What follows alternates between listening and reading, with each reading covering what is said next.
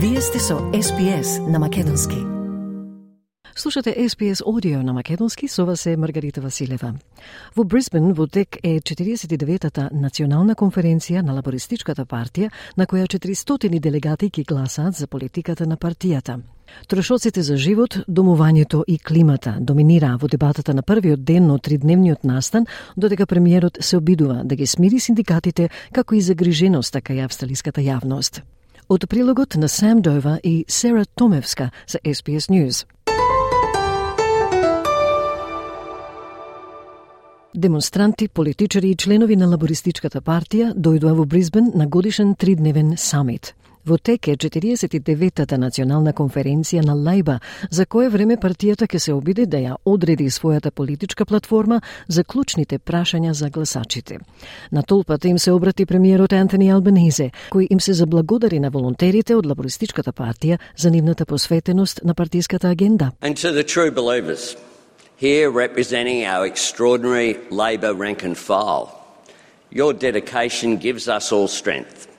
My colleagues and I stand on your shoulders and we thank you. Тоа е прва партиска средба лице в лице во последните пет години и прва по повеќе од една деценија откако лабористите беа на власт. Премиерот се соочи со партијата, нацијата и неговите критичари, додека кризата со трошоците за живот, климата и домувањето се надзирани с целата земја.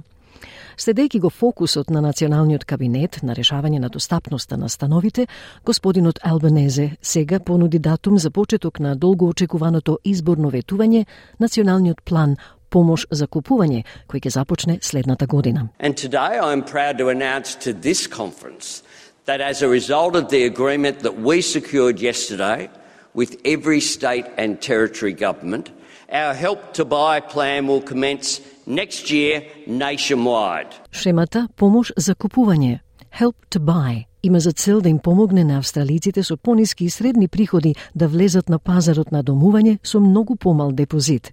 Владата ќе се вклучи со покривање на 40% од куповната цена на новата градба и со 30% за веќе постоечки дом. Шемата ќе важи за 10.000 куќи секоја година и купувачите ќе мора да живеат во домот. Ова би било мал дел од вкупниот годишен број на продажби на куќи во Австралија, при што податоците на CoLogic проценуваат дека имало околу 598.000 продажби на куќи и станови низ Австралија во годината што завршува во август 2021 година. Лидерот на партијата на Зелените, Адам Банд, вели дека оваа политика не влегува во суштината на стамбената криза и со една третина од нацијата под Кирија, тој вели дека треба повеќе да се направи. These new places under uh, being offered by Labor will be rarer than Willy Wonka golden tickets. I mean, it is not a help to buy scheme, it is a hard to get scheme. What Labor should be doing in the middle of the worst housing crisis in, gener- in generations is stop giving billions of dollars a year in tax handouts to politicians, billionaires, and property moguls, and instead use that money to build affordable housing for everyone and stop rents going up by the incredible amounts that we've seen that are putting people in huge stress. Оваа недела националниот кабинет објави дека ќе ја зголеми целта на владата на Албанезе за изградба на 1 милион куќи во следните 5 години на 1,2 милиони. Сепак, лидерот на опозицијата Питер Датон вели тој не верува дека премиерот ќе може да ја исполни оваа амбиција. Now, Labor promised a million houses, or they said it was an aspiration. Uh, they promised that in October of last year, and we know uh, that they're not going to reach that target. So increasing it to 1.2 million might sound good, and the Prime Minister might be talking a big game, but the Prime Minister never delivers. Uh, he doesn't get across the detail, and I, I just don't think he's up to the task. Лабористичката партија исто така се притиска да ги смири синдикатите, како што е синдикатот Construction, Forestry, Maritime, Mining, Energy Union. Градежниот синдикат неодамна побара корпоративен данок на супер профит за да помогне во финансирањето на социјалните станови, а секретарот на синдикатот Зак Смит на конференцијата рече дека тоа е тест за политичкиот интегритет на владата. This is not everything that the union is demanding, but is a very significant first step. And it's a sort of step that a progressive Labor government should be doing. We've been told since the 80s to sit back and let the markets decide, that the great reform era is over. Well, this is nonsense.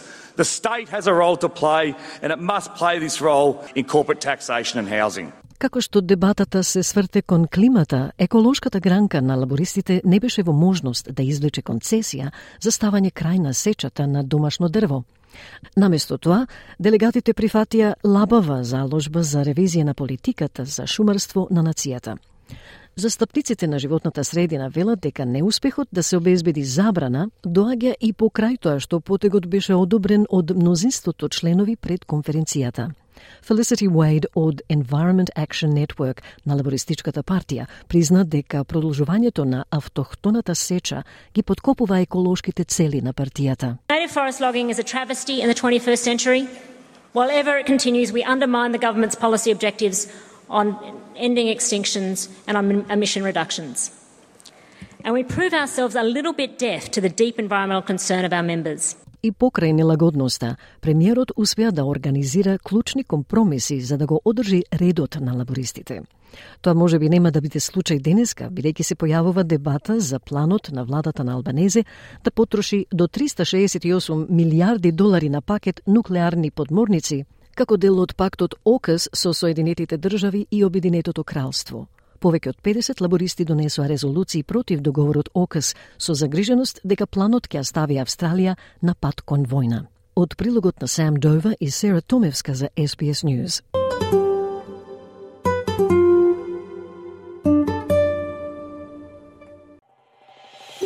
Сакате ли да чуете повеќе прилози како овој? Слушате подкаст преку Apple Podcasts, Google Podcasts, Spotify или од каде и да ги добивате вашите подкасти.